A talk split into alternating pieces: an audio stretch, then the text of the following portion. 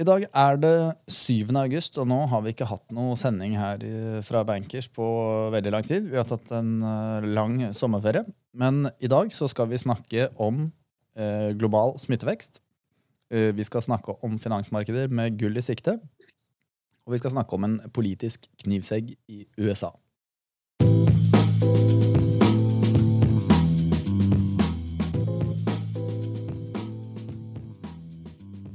Er du med meg, Kristian? Det er jeg. Utrolig nok. Da er jo spørsmålet med en gang Har vi nå kommet til bølge to allerede mens vi har vært på ferie? Vi, vi, vi, vi, vegrer oss litt for å kalle det bølge to, fordi mye av dette er jo egentlig bølge én som egentlig ikke ble ferdig. Men uh, det er ingen tvil om at det har vært en uh, negativ utvikling gjennom sommeren, hvis vi ser det i et uh, globalt perspektiv. Eh, smitteveksten er fortsatt ute av kontroll i ganske folkerike land som f.eks. India og Brasil. Vi ser også at smitteveksten i Afrika er eh, økende. Og vi har også sett at vi gjennom sommeren har hatt en ganske begredelig eh, situasjon i USA når det gjelder eh, spesielt utviklingen i antall nye smittetilfeller. Men også kanskje i litt mindre grad med tanke på veksten relativt til antall tilfeller dødsfallene som også har steget, men de har ikke steget like mye som de gjorde relativt til tilfellene i den første bølgen, hvis jeg kaller det, eh, i eh, mars, april, mai. Men, men du ser jo nå at nå blusser det opp litt her og der. Eh, og du kan sikkert fortelle meg hvor, hvor de verste stedene er. Men sånn som Sverige, som jeg har fokusert mye på, jeg i hvert fall, de klarer seg jo enn så, enn så lenge i hvert fall ganske greit på denne, denne endringen vi har sett de siste ukene nå. Ja, de har gjort det. Og så er det da et spørsmål om tid om de også får en ny oppblussing eh, i takt med økt reisevirksomhet eh, i utlandet osv., som man jo har sett her i Norge har vært eh, litt av, av kilden. Eh, men eh, hvis vi ser litt sånn generelt på det, så når det gjelder USA, da, som jo er den viktigste eh, nasjonen sånn i et økonomisk ståsted globalt, også for finansmarkedene, så ser det ut til nå at smitteveksten har eh, begynt å avta. Vi ser også en viss avtagende tendens i antall eh, dødsfall. Så det er for så vidt positivt, selv om nivåene fortsatt er på ganske eh, Eh, høye eh, nivåer, både når det gjelder dødsfall, som selvsagt er altfor mange uansett hvor mange det er, men også smittetilfellene. I Europa, som du nevnte, så er det oppblussing i Tyskland, Frankrike, Belgia, Nederland, Storbritannia, Danmark. Og som vi også har vært inne på til dels i, i Norge. Og smitteveksten er forsiktig stigende, selv om vi skal ta med at det er fra ganske lave nivåer. Vi tror egentlig at vi kommer til å ha en sånn eh, tendens eh, som går litt sånn av og på, egentlig, med oppblussing og kontroll i henhold til tiltak, eh, helt frem til vi har en vaksine som er kommersielt tilgjengelig og som eh, bidrar til å utvikle immunitet hos eh, befolkningen. Og det betyr at dette er noe vi kanskje bare må lære oss å, å, leve med. Eh, men fra et økonomisk ståsted så er det helt klart at myndighetene er langt mer forsiktige med å innføre ekstreme restriksjoner og nedstengning av økonomisk aktivitet nå, relativt til det de var på vårparten. Og det så vi eksempelvis i USA.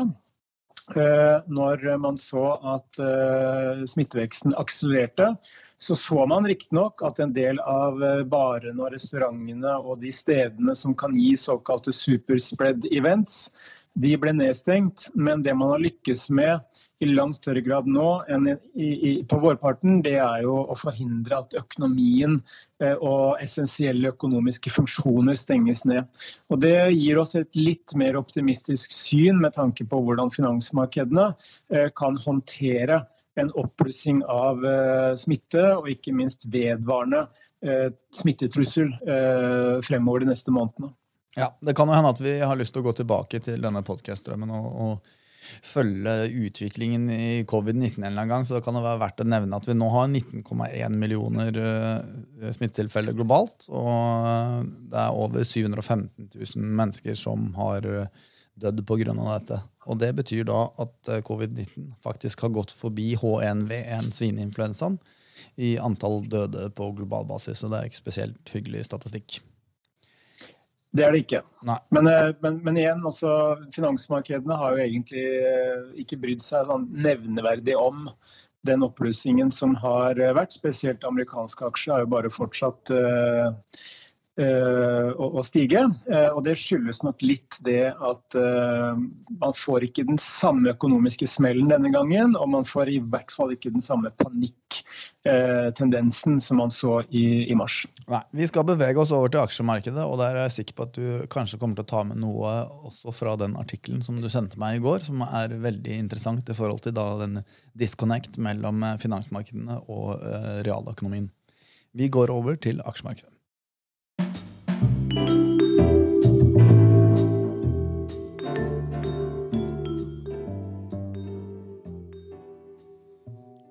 Hva har du å melde der, Kristian? Jo, det har vært en, eh, en bra sommer eh, på, på, mange måter. Eh, og aksjemarkedene har egentlig trukket eh, sakte, men sikkert eh, oppover gjennom eh, juli. Og så har vi faktisk fått en liten sånn ekstra fart i, i medvinden nå de siste dagene. Det som helt klart har vært i tet her, det er aksjer i emerging markets som eh, periodevis har legget eh, både europeiske og amerikanske aksjer eh, siste, ja, de siste årene, egentlig. Men så har vi da fått denne kraftige dollarsvekkelsen, som også har vært en veldig hyggelig medvind for, for emerging markets-aksjene. I tillegg til at vi også har hatt veldig sterk utvikling periodevis i kinesiske aksjer.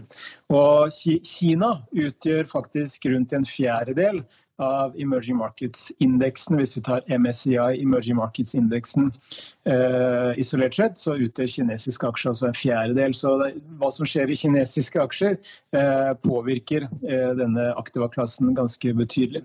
Ellers har vi rundt 7,5% oppgang siden 1.7 på Oslo Børs. Vi har drøye 7,5% i SMP 500, men altså 11,5% drøyt for emerging markets-aksjene. Europa har dessverre legget eh, ganske mye gjennom eh, sommeren. Stocks Europe 600-indeksen er bare opp 1,5 eh, og Det skyldes nok at vi har sett en videreføring av den tendensen vi egentlig har sett gjennom hele krisen. At investorene fortsetter å være ganske forsiktige med sykliske sektorer, spesielt bankfinans. Eh, som jo utgjør en ganske betydelig andel av det europeiske aksjemarkedet eh, relativt til det amerikanske. Og Der kommer vi litt inn på det du nevnte, denne artikkelen i Bloomberg som eh, nettopp peker på denne divergensen mellom en relativt svak økonomi og stigende aksjemarkeder. Fordi Det er nettopp det vi ser i USA, at det er en liten gruppe selskaper som har trukket lasset i veldig stor grad. Eh, hvis vi ser på utviklingen i de fem største selskapene i eh, USA, med Microsoft, Apple, Amazon, eh, Facebook osv., så, videre, så har disse aksjene, hvis vi likevekter dem, lager en slags indeks av de fem største, og de teller like mye i indeksen, så er de opp rundt 35% så langt i år. Men hvis vi lager en indeks av de 495 øvrige eh, aksjene i SMP 500, så er den indeksen faktisk ned 4-5% Og Det illustrerer jo hvor ekstremt viktig disse eh, FANG-aksjene eh, har vært for Eh, ikke bare amerikanske aksjer, men også for det globale eh, markedet, i og med at amerikanske aksjer utgjør godt over 50% av den globale eh, markedsverdien. Som andre, som andre ord, hvis SMP 500 hadde vært satt sammen og komponert si, på samme måte som Dow Jones er, hvor det ikke er en vekt i forhold til market cap, så hadde dette sett helt annerledes ut. Ja, uh, Dow Jones uh, jo, vekt, vektes jo i henhold til prisen på aksjene. Ganske sjuk måte å, vekte en indeks på, for så vidt. Men hvis vi også gjør det samme med hele eh, SMP 500, altså vi ser på den likevektede versjonen av alle 500 selskapene, så er den også ned en 3-4% så langt i år. Men tar vi bort de fem beste, så er den ned enda litt til. Men poenget med denne artikkelen som jeg sendte, deg, det var jo eh, at eh, Bloomberg skriver om hvorfor aksjemarkedet kan stige såpass mye, selv om økonomien er relativt svak. Og Det gjenspeiler egentlig det vi ser i, i sektorsammensetningen. fordi det man normalt eh, forbinder med økonomien, da, det er jo f.eks. Eh, hvordan det går med, med, banker, hvordan det går med eh, servicesektoren, hvordan det går med flyselskaper, hoteller, reiseliv osv. Og det man da umiddelbart ser rundt seg, det er at mange av disse selskapene, eh, f.eks. flyselskapene, sliter big time med tanke på koronapandemien og lønnsomhet osv. Mm. Og, og, Det man da ser i, i sektorsammensetningen, er at mange av disse sektorene de har faktisk fått en ordentlig beating på børsen. Mm. Eh, ser vi på MSCI World, altså globale aksjer, så er energisektoren fortsatt ned nesten 40% i år. Eh, finanssektoren er ned over 20% eiendomssektoren er ned 13% Så her er det altså ikke slik at investorene har spist aksjemarkedet med hud og hår. Man har vært veldig selektiv. Og Det ser man da f.eks. på de beste sektorene så langt i år. Det er IT-sektoren. Ikke overraskende opp 25 målt i dollar så langt i år. Og det, det som heter eh, diskresjonære forbruksvarer, eller consumer discretionary, altså vanlige forbruksvarer som folk kjøper uansett om det er krise eller, eller ikke. Så det er egentlig en sånn ganske fin beskrivelse av uh, hvordan uh, aksjemarkedet kan tute og kjøre uten at økonomien egentlig henger helt på greip. Nemlig at uh, det er de store, dominerende selskapene som til dels kan tjene på en krise, som vi har sett på disse stay at home-selskapene i USA bl.a som kan drive børsen uten at f.eks. flyselskaper eller banker eller oljeselskaper egentlig gjør det så veldig bra. Det var en ekstremt interessant artikkel, faktisk. og Der sto det også at flyselskapene i USA, eller som del av SNP 500, da, hadde en vekt på 0,18 mens ja. Eh, f.eks. retail dagligvare var noe sånn som 0,01 Uh, og, og, da er det jo litt lettere å forstå den sammenhengen her. Det har liksom ikke så mye å si for indeksen hvor dårlig de selskapene er gjør det. Nei, det spiller liksom ikke noen rolle. Og de fem største selskapene i USA de vekter jo nå 23% av markedsverdien i indeksen. Og det er rekord, en rekordhøy konsentrasjon hvis jeg kunne kalle det, av et lite knippe selskaper. For f.eks. Eh, under eh, før IT-boblen så vektet de fem største selskapene da 18% av indeksen. Vi har vært gjennom noen data på det her før. Jeg vet ikke om du husker det, men jeg tror at FanMag, altså disse største, eh, Hvis du hadde lagd et eget aksjemarked av dem nå, så er det kun det japanske og da det amerikanske aksjemarkedet som er større enn det markedet du eventuelt hadde lagd av de fem største. Ja. Det kan stemme. Ja, det er ekstremt. Er det noe mer å melde på eh, markedet før vi går over til policy? Ja, vi må snakke litt om uh, gull. Uh, fordi Innledningsvis så snakket vi om et finansmarked med gull i sikte. Og det som er interessant, det er jo at eh, selv om aksjemarkedet har steget, så har vi også sett at eh, det som egentlig oppfattes som en sånn fryktaktiva klasse, nemlig gull, har også nådd eh, rekordhøye prisnivåer. Samtidig så har vi også sett at statsrentene har falt gjennom sommeren. Og det er jo heller ikke et sånn åpenbart bedringstegn for økonomien. Men hvis vi ser på hva som er liksom fellesnevneren her, så kan vi faktisk finne det i hvordan rentemarkedet har utvikla seg. Fordi en av de viktigste driverne for gullprisen, og også en av de viktigste driverne for aksjer, det er jo hvilke alternativer er det investorene kan plassere penger i. Og Da er som regel referansen hvilken rente får man på risikofri plassering. Og da først og fremst med tanke på statsobligasjoner. Og det man da også vet er en sånn syretest for om en investering er lønnsom eller ikke, det er jo om den beskytter mot inflasjon. Og Det vi ser i øyeblikket, det er jo at det generelle rentenivået, altså de nominelle statsrentene, de har falt gjennom sommeren, som nevnt. Men inflasjonsforventningene har steget. Og Det betyr at hvis man ser på den inflasjonsjusterte forventede avkastningen i f.eks. en amerikansk statsobligasjon med ti års løpetid, liten sånn pause her nå, siden det ble en lang setning, så er den nå på rundt minus 1% og Det betyr at man er nærmest da garantert negativ kjøpekraftsutvikling ved å eie en amerikansk statsobligasjon de neste ti årene, basert på dagens forventninger. Og Det samme gjelder også relativt til gull. fordi noe av det som eh, gull måles opp imot, det er jo hvilken alternativavkastning er det man har i statsobligasjoner. Og når den alternativkostnaden eller alternativavkastningen som man da har i, i, statspapirer, blir stadig mer negativ, justert for inflasjon, så betyr det at kostnaden, eh, alternativkostnaden ved eiegull blir stadig mindre. Kombinert med stigende inflasjonsforventninger noen som tror at alle disse stimulansene fra sentralbanker og politikere kan føre til at vi får et inflasjonsproblem på den andre siden av denne krisen, gir også støtte til, eh, til gullprisen. For de som har mista, mista, tråden litt nå, så prøver nå Christian å forklare hvorfor du har hatt en, en prisvekst på gull. Ja, og det syns jeg egentlig forklarte veldig bra. Så Det som er fordelen med podkast, er at man kan spole tilbake og høre det en gang til hvis man blir forvirra. Og så bare håpe, forklar håpe, forklaringen er rasjonell. Helt klart. Det kommer nok flere til å måtte gjøre her. Ja. ok, hva Hadde du konkludert, eller? Jeg mista tråden, i hvert fall. Jeg kan spole tilbake etterpå.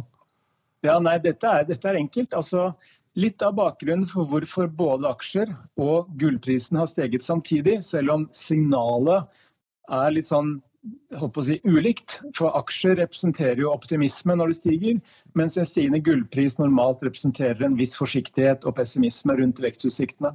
Så drives begge av eh, lavere rentenivå, og spesielt da justert for inflasjon, altså det som kalles realrentenivå. Fordi Det betyr at uh, sitter man i statspapirer, justert for inflasjon, så forventer man negativ kjøpekraftutvikling eller negativ realavkastning fremover. Mens aksjer og gull uh, på hver sin side kan gi en bedre beskyttelse mot inflasjon dersom inflasjonen stiger ytterligere. Ja, Som andre ord, hvis du er redd for crappy return på dine statsobligasjoner, og du samtidig tror at det skal være høy inflasjon, så er det fint å ha litt gull. Ja, og potensielt også aksjer. Ja, Vakkert. Eh, en politisk knivsegg i USA, Christian, hva mener du med det? Jo, Vi kan gjøre det ganske kort. Fordi Gjennom eh, den krisen som utviklet seg i amerikansk økonomi i den første delen av pandemien, så bidro amerikanske politikere eh, på tvers av Kongressen med en redningspakke til de som har blitt arbeidsledige, som består av en utbetaling på rundt 600 dollar per uke. Den stimulansen eller den støtten til husholdningene den utløpte 31.07. Eh, og enn så lenge så har ikke politikerne lykkes med å bli enige om en forlengelse eller utvidelse av disse stimulansene til de som er arbeidsledige. Og Det betyr jo at mange husholdninger risikerer da å gå glipp av disse for mange viktige 600 dollarene per uke. Eh, fremover. Og Det kan forringe eh, husholdningenes eh, forbrukerkapasitet, og dermed utgjør dette en risiko for amerikansk økonomi dersom politikerne ikke blir enige. Demokratene er de som presser på mest for å få en løsning, mens republikanerne mener at til dels dette, disse stimulansene syr puter under armene på folk, som bidrar til at de ikke går tilbake i jobb. Eh, men uansett så ønsker Trump en løsning. Han undersøker muligheten for å gjennomføre en såkalt presidentordre, eller executive order som heter på finsk, eh, for å gi en direkte lovgivning rundt eh, stimulanser. Så får vi se hva løsningen blir, men dette er for en såkalt fiscal cliff i USA. Veldig, veldig spennende, Christian. Du, det er deilig å være tilbake igjen. og du kommer jo ikke til å komme inn her i studio med det første, for det at vi må ta hensyn til uh, smittevern. Så vi kommer til å måtte akseptere litt crappy lyd framover. Det er tydeligvis ikke så farlig med meg, for jeg får lov å komme inn på kontoret. Men, uh, men vi håper at lytterne i hvert fall kan være tålmodige med at fortsatt blir dårlig lyd på Kristian, som sitter på Hamar. Men, ja, det er de som er avhengig av å kjøre tog i en time eller en og en halv time. De må holde seg hjemme fortsatt. Ja, Men det er bra. Det er sikkert noen som er glad for det òg, Kristian. Det gjør Men, ja, nei, men eh, vi, vi høres igjen eh, neste uke, Kristian. Det gjør vi. Ha det. Ha det.